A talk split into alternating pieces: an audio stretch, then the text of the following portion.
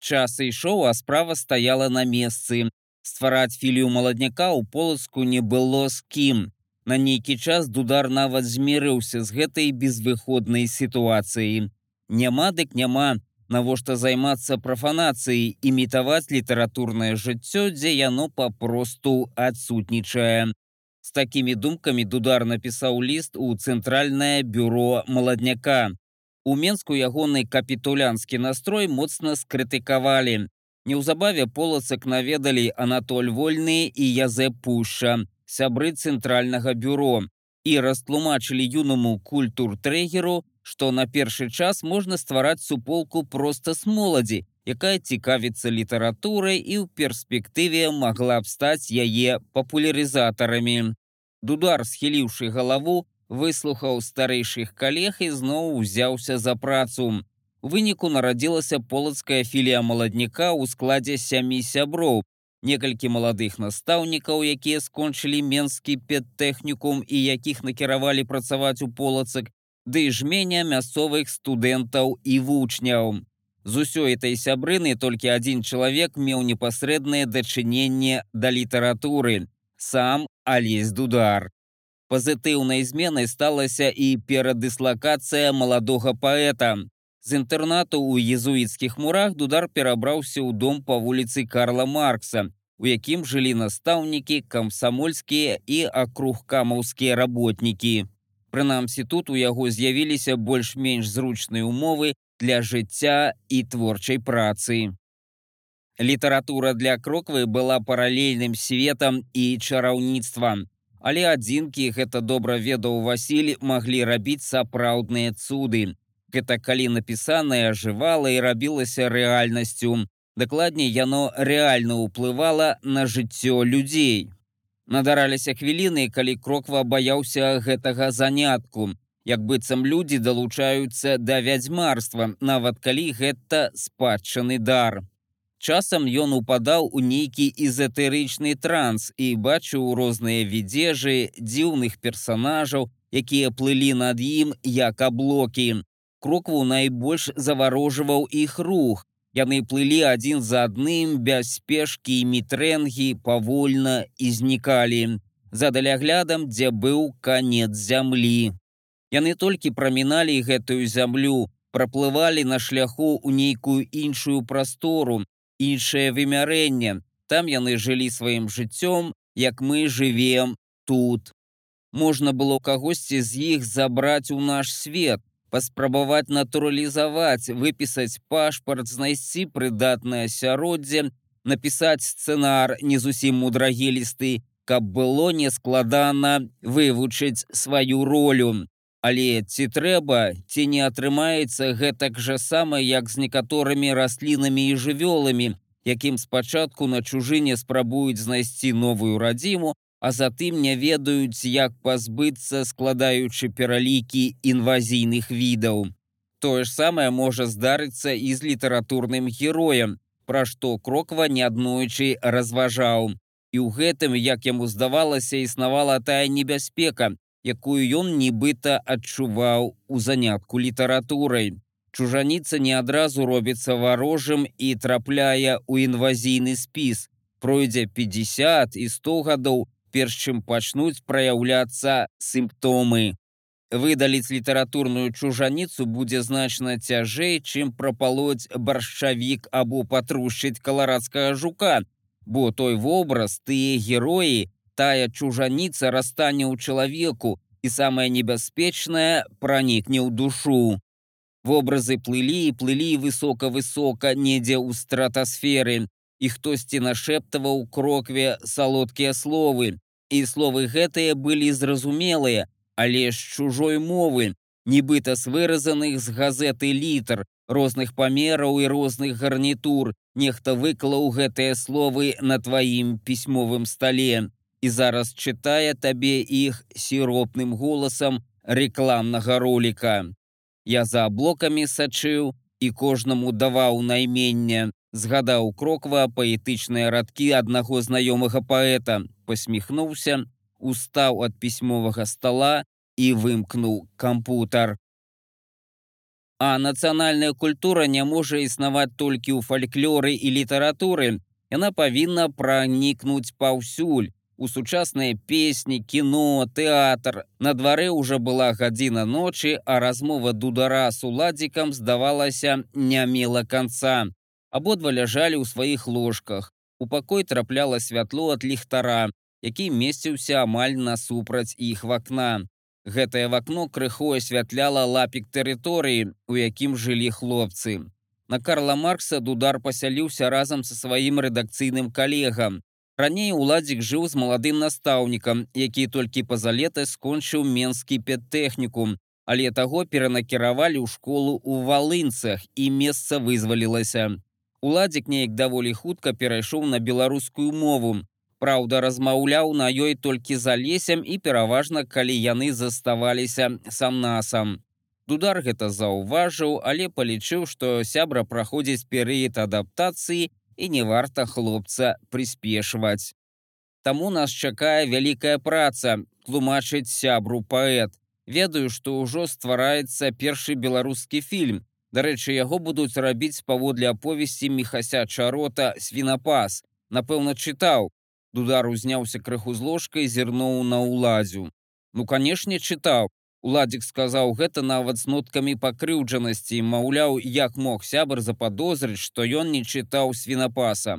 Каб пераканаць алеся, хлопец пачаў пераказваць падзеі аповесці. Мне асабліва падабаецца, як грышка ўцёк, калі яго везлі ў дэфензіву. А я, дарэчы, гэтую аповесць чытаў яшчэ ў рукапісе і нават тое сёе там паправіў. Дудар не даслухаў да канца пра грышку, яму карцела пахваліцца перад сябрам. А фільм будзе здымаць рэжысёр Юрый Тарыч. Ён ужо прыязджаў у Менск і сустракаўся з чаротам. Ух ты, выгукнуў уладзіку захапленні. А ты ведаеш, што Юрый Тарыч паходзіць з полацку. Пра гэта летась пісала наша газета. Не, не ведаў. Тарача запрасілі працаваць у Белдзяржкіно, Наша кінастудыя пакуль месціцца ў Ленінградзе, але з часам абавязкова пераедзе ў Менск. Дарэчы, менавіта Тарыч напісаў сцэнар фільму банда бацькі кныша разам яшчэ з кімсьці. Пра гэта таксама пісала наша газета. Летась у верасні фільм паказалі ў полацку. У кінотэатры не было чым дыхаць, столькі набілася людзей. Я глядзеў гэты фільм у Менску, але вось пра што падумаў. Тарач нездарма нарадзіўся ў полацку, бо з полацку паходзяць асноўныя беларускія светнікі. Францішак скарына, Ефрасіня полацкая, Семён полацкі, ты напэўна чуў пра скарыну. Менавіта ён надрукаваў першую беларускую кнігу, першадрукар. Нешта ў гэтым полацку ёсць такое, бо інакш як гэта патлумачыш, дудару нават падумалася, што ён сюды трапіў невыпадкова, але палічыў гэтую думку задужа піжонскай і не агучыў яе сябру. Толькі сёння наўрад ці можна гэта заўважыць, уладзік іранічна хмыкнуў і дадаў: Ды і старычам ёсць пытанні. Не давалі рэдакцыйнае заданне адшукаць у полцку, якія кольвічы сляды земляка кінарэжысёра. Ніякіх слядоў я не знайшоў. Ні сваякоў, ні аднакласнікаў, ні нават людзей, якія яго ведалі ці хаця б бачылі. А што тычыцца полацкага асветніцтва і культуры, дык і гэта цяжка сёння заўважыць. Згодны з табой, заняпаў горад, стаўся правінцыйным і шэрым, але я ведаю чаму ён згубіў сваё нацыянальнае аблічча, свае спаканвечныя традыцыі, згубіў свой культурны код. Горад абмаскаліўся. Раней пра гэта чуў ад сваіх старэйшых калег, а зараз сам пераканаўся. Полацак можа выратаваць толькі беларуская пралетарская культура. Тут павінен з'явіцца свой нацыянальны тэатр, павінен выходзіць свой літаратурны часопіс ці хаця б штогадовік. Тут трэба друкаваць кнігі. Павінна вераваць нацыянальнае культурнае жыццё. І мы ўсё гэтае мусім тут стварыць. Хто? Мы, уладзік нават сеў на ложак. Магчыма, яму падалося, што менавіта яны, алесі уладзік, павінны ўсё гэта стварыць, таму хлопец так падхапіўся. Мы маладнякоўцы. Дзеля гэтага я і ствараю ў полацку філію маладняка. Дудар прамовіў гэта амаль урачыста. Спадзяюся і на тваю дапамогу ўладзік. працы як бачыш вельмі шмат усім хопіць а зараз давай спаць ужо амаль другая гадзіна ночы назаўтра раніцай пакуль не прынеслі свежую газетную карэспандэнцыю дудар напісаў новы верш. Не люблю калі з роднай краіны тушки рвуцца ў далёкі вырай я успомніў францішка скарыну што ў полацку княжацкім выраз ужо няма такіх настрояў як былі калісь даўно. Бо сягодня над новай дзвіною перакінуўся новы мост. Што дзвіна? Для яе ўсё роўна хто пяе над яе берагамі не яна мужыцкую мову аправіла ў гнуткі пергамент о францішак францішак скарына што над гранкай друкарскую гнуўся ведай праца твоя пакарыла новы свет для сівой беларусі. Бо сягоння спяваюць баяны бо ўжо разгарнуліся крыллі перамогі вяселлем п'яныя. Мы ўспомнім францішка скарыну што радзіўся калісь над дзвіною вандраваў над яе берагамі што аправіў мужычую мову у неўміручы гнуткі пергамент. Мясцовы тэлеканал прапанаваў крокву зняць фільм пра страчаныя бажніцы полацка. Дакладней напісаць сцэнар і тэкст для агучкі. Гэтая ідэя крокву спадабалася. Сапраўды ад полацкіх храмаў засталося вельмі няшмат. Дзякуй Богу, Сафія, спаса Ефрасінюўскі манастыр і багаяўленскі сабор захаваліся да нашых дзён, але найбольш не пашанцавала каталіцкім бажніцам. Ужо ў сярэдзіне 70-х гадоў пасля таго, як быў узарваны былы касцёл святого Стэфана, архітэктурная дамінанта горада, каталіцкіх храмаў у полацку не стала зусім. Хоць у 19 стагоддзі тут свае касцёлы мелі некалькі манаскіх ордэнаў: езуіцкі, бернардынскі, францышканскі і дамініканскі багата было зруйнавана і іншых хрысціянскіх бажніц праваслаўных стараверскіх пра ўсё гэта немагчыма распавесці ў паўгадзінным фільме. Таму кроква абраў толькі асноўныя самыя вядомыя страчаныя храмы і менавіта пра іх згадаў сцэнарыі Праўда, пры канцы два стагоддзя ў полацку зноў адрадзілася мясцовае каталіцкае жыццё і ў задзвінні паўстаў касцёл святого Андрея баболі. Савецкі кінотэатр быў перабудаваны ў касцёл. Дапамогу палачанам у будаўніцтве храма аказалі немцы з гораду пабраціма Фрыдрыхсхафена. Усё гэта адбывалася на вачах у кроквы, і ён яшчэ добра памятаў той кінотэатр юбілейны. Падзея неяк натхніла палачанаў на мары і розныя патрыятычныя мроі. З'явілася нават чутка, што неўзабаве знясуць дзевяціпавярховік з вушамі. Так гэты гмах празвалі палачане, а на яго месцы адбудуюць ранейшы сабор святого Стэфана. Чутка гэтая цыркулявала нядоўга. Спачатку ў краіне пачаліся эканамічныя праблемы, а затым і палітычныя. Таму не ў прыкмет мроіць пра Стэфана перасталі. Але сама ідэя пераўтварэння чагосьці ў нешта крокве спадабалася. Ён нават пачаў разважаць, што яшчэ можна пераўтварыць. Перадусім непатрэбнае упатрэбнае. Непатрэбным хутка стаў былы дом афіцэраў. Нейкі час гэтую гламаздаватую будыніну, якая б не згубілася на любой цэнтральнай плошчы ў Менску, а нават і ў Маскве, перадалі ў аренду прыватнаму універсітэту. Нейкі час былі ў Беларусі і такія. Арендатары, наколькі ў іх хапіла сродкаў, касметычна адрамантавалі фасад, але будынак у сярэдзіне ўсё адно прыходзіў у заняпад ды і выкарыстоўвалі яго часткова толькі асобныя пакоі, якія пераабсталявалі ў лекцыйныя аўдыторыі.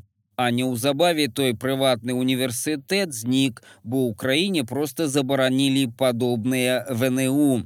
Нейкі час вялізны дом з рымскімі калёнамі стаяў без дагляду. Новым гаспадаром спадчыны савецкай арміі стала мясцовая музычная школа, якая месцілася побач. Гэты гаспадар быў увогуле жабрачым, бо утрымліваўся на сціплым гарадскім бюджэце. пасля чаго пачаў разбурацца і фасад будынка монстра. Неўзабаве ўзнікла пагалоска, што з дома афіцэраў плануюць зрабіць археалагічны музей. Гэта было б абсалютна слушным рашэннем, але як і са Стэфанам культурна-патрыятычнае мроенне хутка перапынілася. Па-першае, пераладаваць такі вялізны будынак, зрабіўшы з яго музей, патрабавала вялізных грошай, а дзяржаўныя сродкі былі ўжо змарнаваныя ўрадам на ўзвядзенне па ўсёй краіне лядовых палацаў, якія з'явіліся нават у невялікіх райцэнтрах і цяпер жэрлі на сваё ўтрыманне ці не палову раённых бюджэтаў. Хутка відаць, раённыя ўлады пачнуць разважаць, у што б такое пераўтварыць гэтыя ненажэрныя спаруды, Па-другое, якімі такімі шматлікімі экспанатамі можна было б запоўніць залі такога вялізнага археалагічнага музея. Тут бадай хапіла б месца для невялікай егіпецкай піраміды. Нават калі б усе фонды полацкага музея запаведніка да апошніх чарапкоў і кавалкаў плінфы выставіць у вітрынах такого музея, то гэтых гістарычных артефактаў попросту не хапіла б заставіць патэнцыйныя выставачныя плошчы. Такі праект патрабаваў бы вельмі сур'ёзнай і багатай калекцыі, якой не меў абрабаваны полацак. Сёння нават за 100 даляраў ён не мог сабе дазволіць купіць што-кольвічы цікавае і патрэбнае ў свае зборы. Большасць каштоўных археалагічных знаходак якія былі адшуканыя падчас раскопак у полацку маскоўскімі і ленінградскімі археолагамі, апынуліся ў фондах музеяў Масквы і Ленінграда. Вярнуць іх законным гаспадарам ужо было немагчыма. Мець такі музей гэта нязбытная мара, разважаў кроква.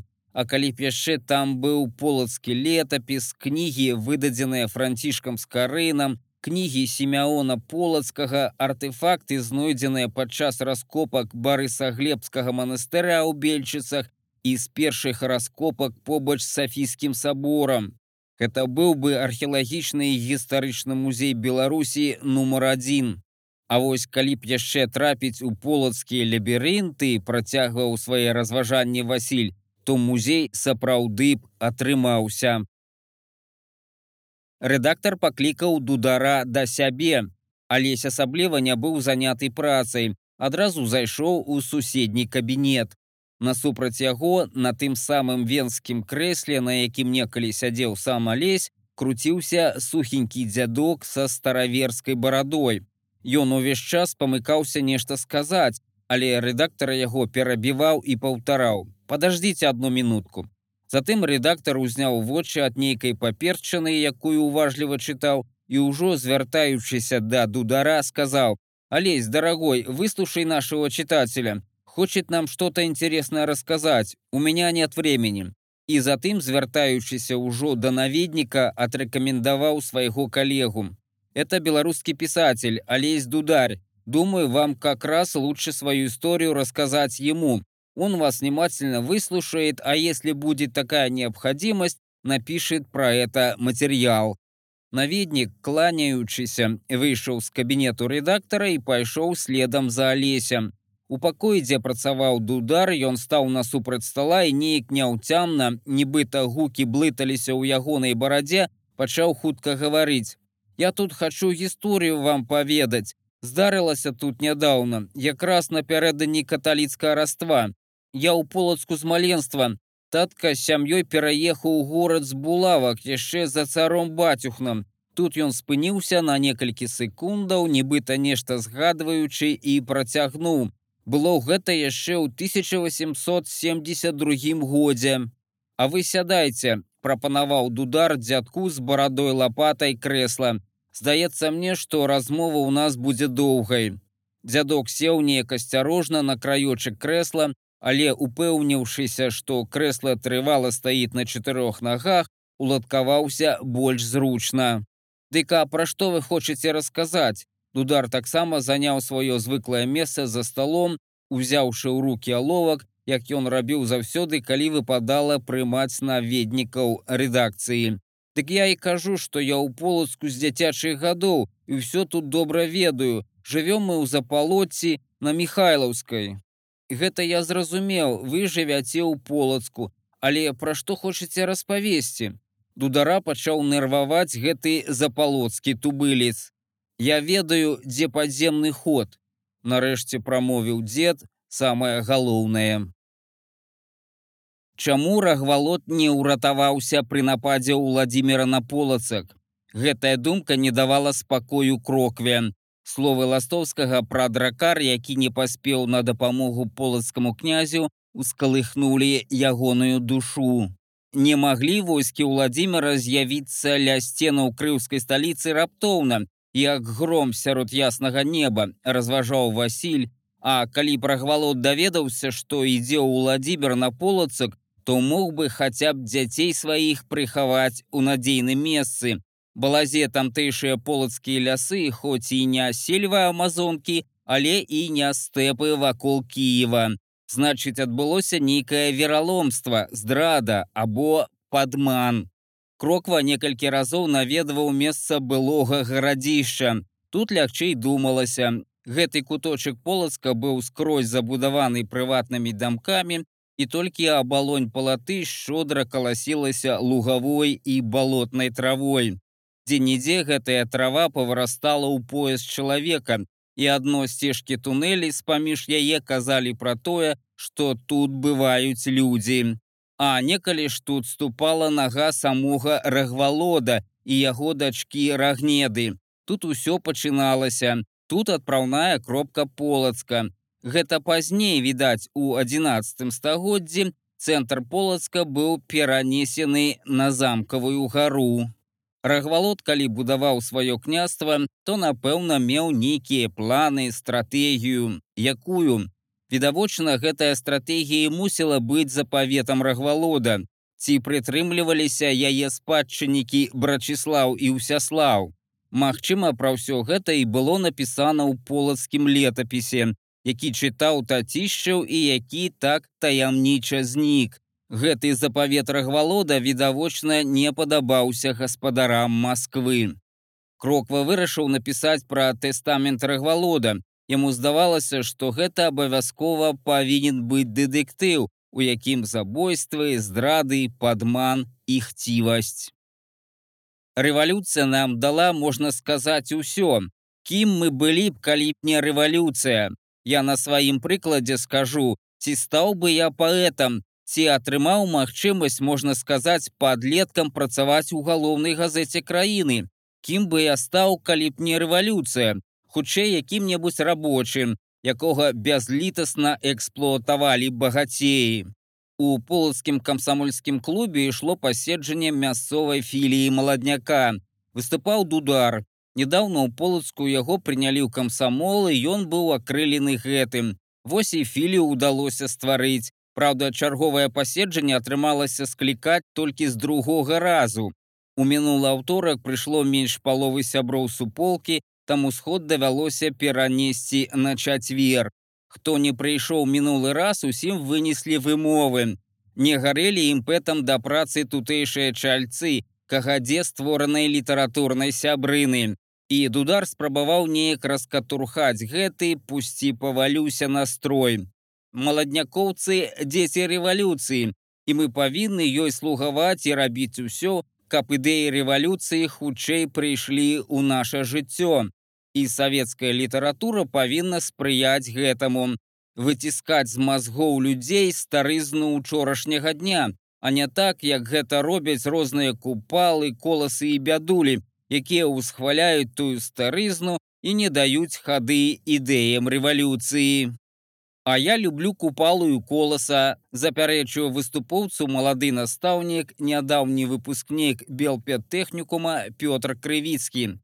Па-першае, купала і колас можна сказаць бацькі беларускага народу і беларускай літаратуры. Што да іх было? Нічога. Па-другое, іхнія творы па-мастацку больш апрацаваныя, чым у таго ж чарота або Александровича. І гэта факт. Сярод полацкіх маладнякоўцаў ушчаўся вырахал. Хтосьці пярэчыў крывіцкаму, хтосьці яго падтрымліваў. Хопіць парушаць дысцыпліну, загарлаў дудар, супакойцеся. але ніхто не звяртаў на яго ўвагі. Кожны хацеў выказаць сваю думку, прычым не чакаючы сваёй чаргі і дазволу. Дудар пачаў ляпаць па стале кніга, якая ляжала побач з ім. Гэта крыху суняло спрэчку і алесь перайшоў да галоўнай справы. А зараз мусім заняцца тым, дзеля чаго мы і сабраліся. Трэба абраць трох сябраў бюро, якое будзе кіраваць філіі. Якія ёсць прапановы, Маладнякоўцы зноў бязладна загаманілі і пачалі вылучаць сваіх кандыдатаў. Урэшце бюро было абранае ў складзе самога дудара, крывіцкага і гулякевіча, студэнта ляснога тэхнікуму. Кандыдатура крывіцкага не вельмі спадабалася дудару, але супраць калектыву ён не пайшоў. Ну нічога, яшчэ знойдзем яму замену, вырашыў дудар, Балазе крывіцкі беспартыйны, а гэта непажадана для чальца кіроўнага органу. Па дарозе да свайго жытла дудар разважаў над парадаксальнай акалічнасцю. Чым разумнейшыя і больш адукаваныя людзі, тым больш складана з імі праводзіць працу. У кожнага з іх ёсць свая думка і не так проста давесці такому разумніку, што ён не мае рацыі. Заставаўся глыток віна, і кроква падзяліў яго на два паўглыткі. Днём Васіль наведаў сядзібу Беліковічаў, дакладней тое, што ад яе засталося. Сядзіба месцілася на левым беразе дзвіны за экіманню. Нягледзячы на татальнае занядбанне і розрух, які тут панаваў, няцяжка было заўважыць прыкметы былой гармоніі і прыгажосці. Гэты стаў з невялічкай выспай пасярэдзіне, недагледжаны, зарослы жабурэннем, закіданы смеццем, ён яшчэ меў ледзь пазнавальныя арыстакратычныя рысы. Гэтыя грабы і вязы, высаджаныя адмысловым парадкам, яны штосьці яшчэ памяталі з тых далёкіх часоў з пазамінулага стагоддзя. Прынамсі, калі не памяталі самі, то ім распавялі бацькі і дзяды, чаму яны тут апынуліся і што тут было раней першую сельскагаспадарчую камуну ў полацку якраз і стварылі на базе сядзібы беліковічаў. Праўда, на пачатку два стагоддзя ад роду беліковічу ў экімані застаўся толькі сямейны пахавальны склеп. Маёнтак некалькі разоў перапрадаваўся. Апошнім яго ўладальнікам быў нейкі дваранін Іваноў, але менавіта за часамі беліковічаў у сярэдзіне 19 стагоддзя гэтая сядзіба ператварылася ў адмысловы культурніцкі цэнтр полачыны. Сюды прыязджалі вядомыя мастакі і пісьменнікі з вільні, Менску і нават Сан-Петербургу. Ян Баршеўскі, выхаванец полацкага езуіцкага калегіуму, у сваёй славутай кнізе шляхціц завальня з цеплынёю згадвае гэты куток прыдзвіння. Маёнтак паноў Беліковічаў ля самыя дзвіны на стромкім беразе у прыгожай мясціне. Адсюль з высокага берагу адкрываўся цудоўны від на полацак на ягоныя храмы.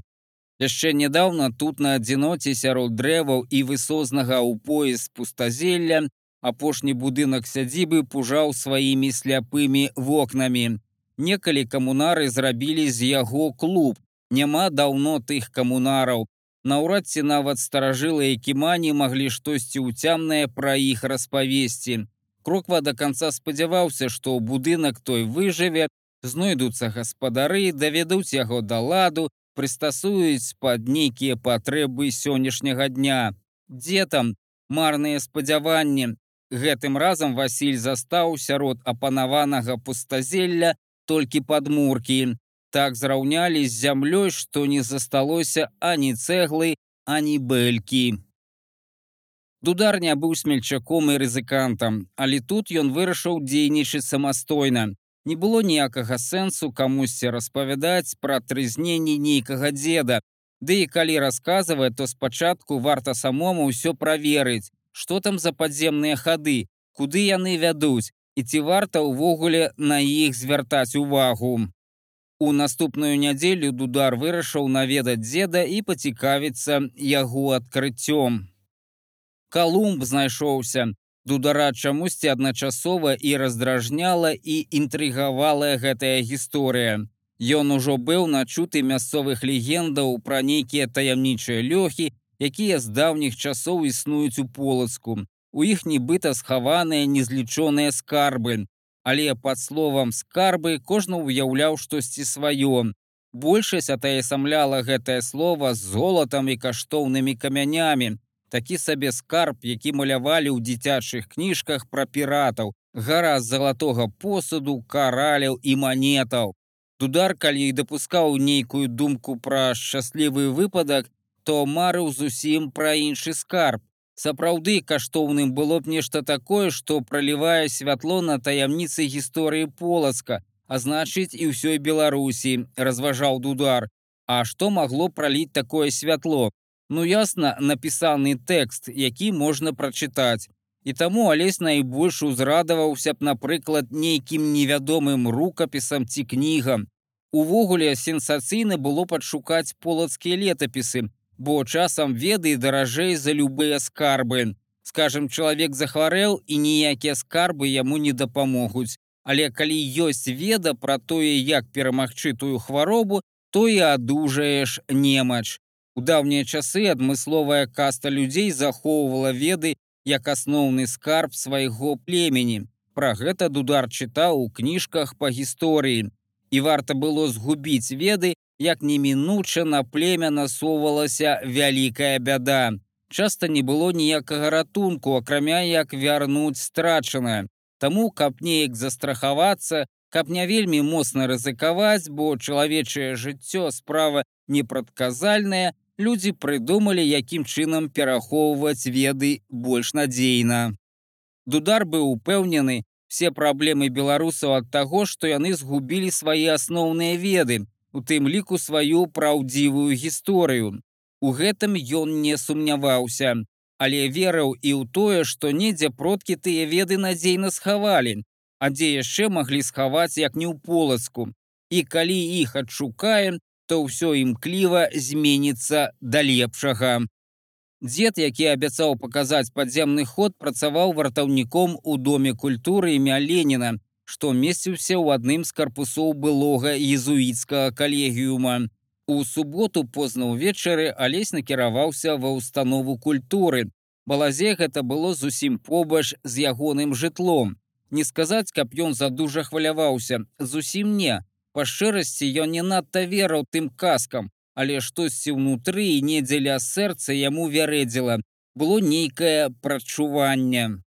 Дудар выйшаў на пляц перад саборам святого Стефана. Ужо змяркалася. Жнівеньскі дзень не быў такім працяглым. Вулічныя ліхтары, здавалася, асвятлялі толькі сваё падножжа. На пляцы зусім нікога не было. Гэта нават спадабалася дудару, бо ён хацеў наведаць дзеда ціха, не прывяртаючы ўвагі. Дзверы былі зачынены, алесь паторгаў іх мацней. Не, сапраўды замкнёныя знутры. Тады нягучна загрукаў кулаком. Пачуццё, што варта ўсё гэта зрабіць таямніча, не пакідала яго.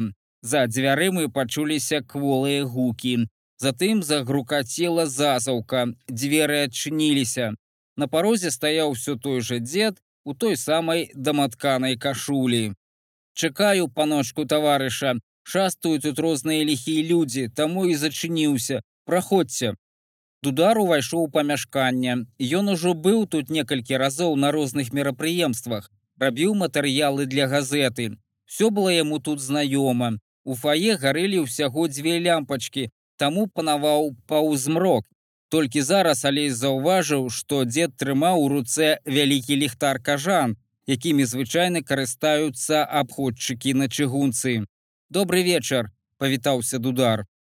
Добры добры, калі на месцы ўсе рэбры, ці то пажартаваў, ці то скаламбурыў ахоўнік храму культуры. Ну і дзе ваш падземны ход, запытаўся позні госць. Яму ўжо карцела як найхутчэй закончыць гэты свой культ паход.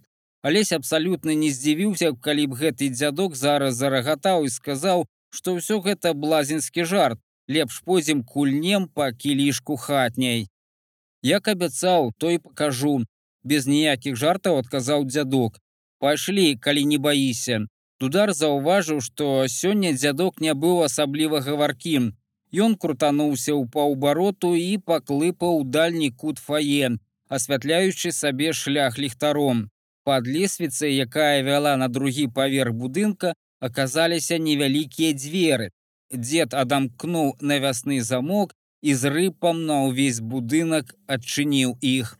Гэта ўваход у падвал, тут трэба быць асцярожным. Спачатку лесвіца, паночку таварыш, а затым хламуздзе розная. Так што асцярожна ідзіце, каб не пакалечыцца. Ён першым ступіў на сходы і пачаў асцярожна, намацваючы нагой кожны крок спускацца ўніз. Дудар паспяшаўся следам. Папярэджанне пра тое, што можна ў гэтых сутарэннях звярнуць шыю, падзейнічала на яго станоўча. Без якіх кольвічы прыгодаў яны спусціліся па сходах у падвал. Тут стаяў затхлый пах цвілі. Падвал доўжыўся пад усім будынкам. Быў досыць вялікім, але моцна захламленым нейкімі транспарантамі, дошкамі, фрагментамі былой мэблі. Уздоўж сценаў прамень ліхтара выхопліваў разлеглыя аркі і цагляныя слупы. Тут сапраўды можна было скруціць шыю. Зараз табе паночку таварыш усё і пакажу. Насіў я сюды дошкі, якімі будуць сцэну перарабляць.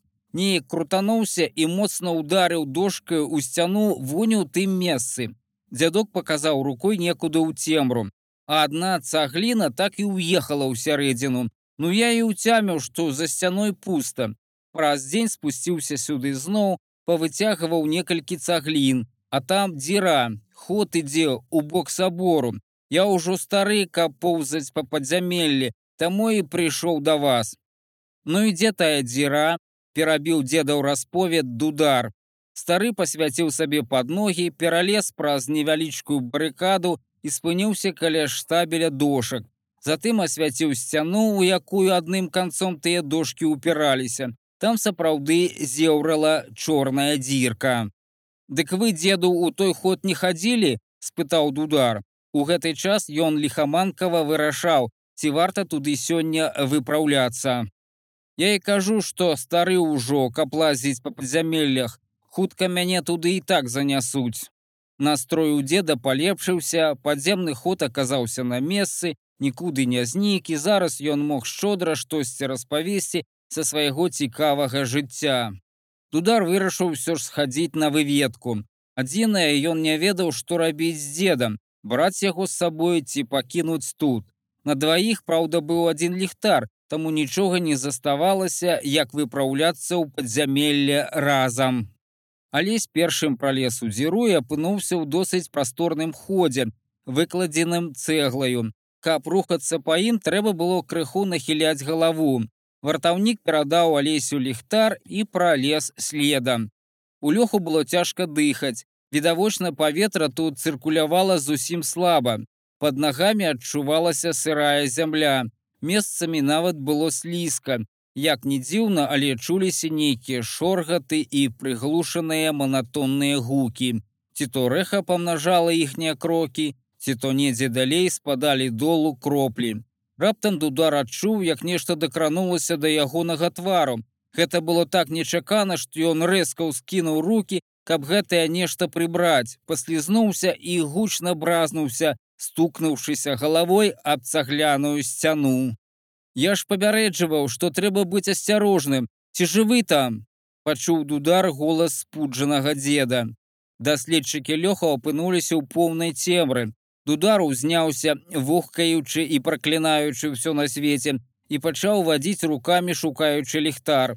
Знайшоў, але наўрад ці ён цяпер мог чым-кольвічы дапамагчы экспедыцыю трэба было перапыніць. Трымаючыся рукамі за слізкія сценкі, але з дзедам пачалі выбірацца назад. Час ад часу яны спыняліся і з дапамогай запалак праводзілі рэкагнасціроўку. У падвале знайшлі нейкую паперчыну, скруцілі і падпалілі. Гарэла нядоўга, тады зноў ход пайшлі запалкі, якія хутка скончыліся, неяк выбраліся. Развітваючыся дудар паабяцаў прыйсці заўтра ўвечары, каб паспрабаваць яшчэ раз залезці ў падземны ход. Вы толькі нікому пра гэта падзямелле не кажыце, а то пачнуць тут лазяць усялякія цікаўныя. Спачатку трэба высветліць, што ўвогуле гэта такое, а затым далажыць начальству, сказаў дудар дзеду на развітанне. Трэба ўвесь час трымаць сувязь з мінулым сказаў ластоўскі нібыта чытаў лекцыю ў якой-небудзь сарбоне Васіль ніяк не мог даўмецца адкуль ён узяўся кроква ўзняўся на паддашак аднаго з карпусоў былога езуіцкага калегіуму Сюды аднойчы яго завёў дзіўны знаёмы, які называў сябе полацкім краязнаўцам. Нечым ён нагадваў падземнага чалавека з аповесці ластоўскага лабірынты, таго самага, які завёў галоўнага героя у полацкае падзямелле. Гэты краязнавец ведаў усё, што рабілася ў полацку, дзе раскапалі яму і што там знайшлі, дзе абсунуўся бераг палаты і якія таямніцы гэта адкрыла дзе насамрэч у полацку пахаваны французскі генерал забіты ў 1812 годзе. Аднойчы ён нават таемна шапятнуў, што ведае, дзе схаваны сапраўдны крыш фрасіні полацкай. Маўляў, гэтая святыня ніколі не пакідала полацак у двадцатым стагоддзе і зараз захоўваецца ў горадзе. Кроква палічыў гэта поўнай лухтой, бо добра вядома, што крыж знайшоў полацку ластоўскі і забраў яго ў менску музей, уратаваўшы ад здачы бальшавіцкімі марадзёрамі для справы сусветнай рэвалюцыі. Кроква распавёў краязнаўцу пра гісторыю ўзнікнення крыжа. Пачуўшы гэта, краязнавец неяк дзіўна пасміхнуўся краёчкамі вуснаў і сказаў: ну ну казкі экіманскіх паромшчыкаў. Чаму гэта казка і да таго ж экіманскіх паромшчыкаў кроква не стаў удакладняць. Гісторыя пра знікненне крыжа і фрасіні была настолькі вядомая і пацверджаная рознымі крыніцамі, што не хацелася ані спрачацца, ані нешта даводзіць. Кожны беларускі вучань ведаў, што крыж знік сейфа магілёўскага банку на пачатку вайны ў 1941 годзе падчас эвакуацыі каштоўнасцяў. Аднойчы падземны чалавек назовем яго так сказаў крокве, што знайшоў дзіўны надпіс у будынку былога езуіцкага калегіуму, і мог бы яго паказаць, маўляў, гэта будзе яму цікава. Заінтрыгаваны кроква попрасіў паказаць. Сваімі таемнымі сцежкамі падземны чалавек правёў яго на патрэбны паддашак. У скрайнім правым куце гарышча чалавек лёг пад бэльку і заклікаў тое ж самае зрабіць крокву. Васіль лёг на спіну і пабачыў надпіс. На ніжнім баку бэлькі было выразана відавочна ножом два словы возвратиться нельзя. І што гэта значыць, куды нельга вярнуцца, спытаў кроква. Па шчырасці ён чакаў нейкай сенсацыі, прынамсі нечага зразумелага. Пасля забароны езуіта ў гэтай хмурах быў кадэцкі корпус. Таму надпіс выразалі або навучэнцы калегіума або кадэты. Хутчэй нават кадэты, бо навучэнцы калегіума вучыліся па-польску і пісалі па-польску загадка якую трэба разгадаць адказаў краязнаўца А можа няма ніякай таямнічай загадкі просто нешта асабістае. Можа знікла кахання і нельга вярнуцца да ранейшых адносін ці штосьці падобнае. Не думаю тады надпіс быў бы зроблены адкрыта не схавана. Значыць гэта таемны надпіс зрабіў выснову падземны чалавек. Кроква некалькі дзён думаў пра сэнс гэтых двух простых словаў. Ніякай лагічнай разгадкі яму не прыходзіла ў галаву. Быў толькі адзін рэальны шанец развязаць гэты вузельчык, знайсці нейкую падказку, пашукаць побач, можа там былі іншыя надпісы, звязаныя з гэтым. Васіль не стаў турбаваць краязнаўца і выправіўся ў езуіцкія муры другі раз сам. Ён абласіў побач з надпісам усё, што толькі можна, знаходзіў іншае, але гэта былі проста імёны прозвішчы відавочна былых навучэнцаў. І тут ён пачуў знаёмы голас ластоўскага. Трэба ўвесь час трымаць сувязь з мінулым. Крокву нібы працяла электратокам. Ён узняў галаву і ўбачыў ластоўскага, што сядзеў на той самай бэльцы, пад якой быў таемны надпіс.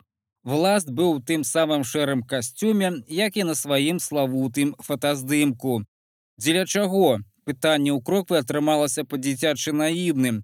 Васілю падалося, што гэта не ён спытаў, бо пытанне прагучала без яго волі. Інакш губляецца перспектыва руху, а вярнуцца ўжо нельга. Крокве падалося, што ён пачуў нешта важнае, але ніяк не мог зразумець, што менавіта. А што існуе нейкі агульны рух і куды гэты рух? Цяпер кроква імкнуўся кантраляваць сябе і паспрабаваў сфармуляваць пытанні больш сэнсоўна. У лабірынце немагчыма вярнуцца назад. Шляху назад проста няма, ёсць толькі шлях наперад, нават калі ты будзеш вяртацца назад.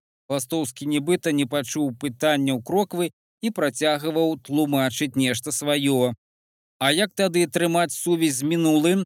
Крокве падалося, што ён знайшоў слабое злучво ў разважаннях ластоўскага.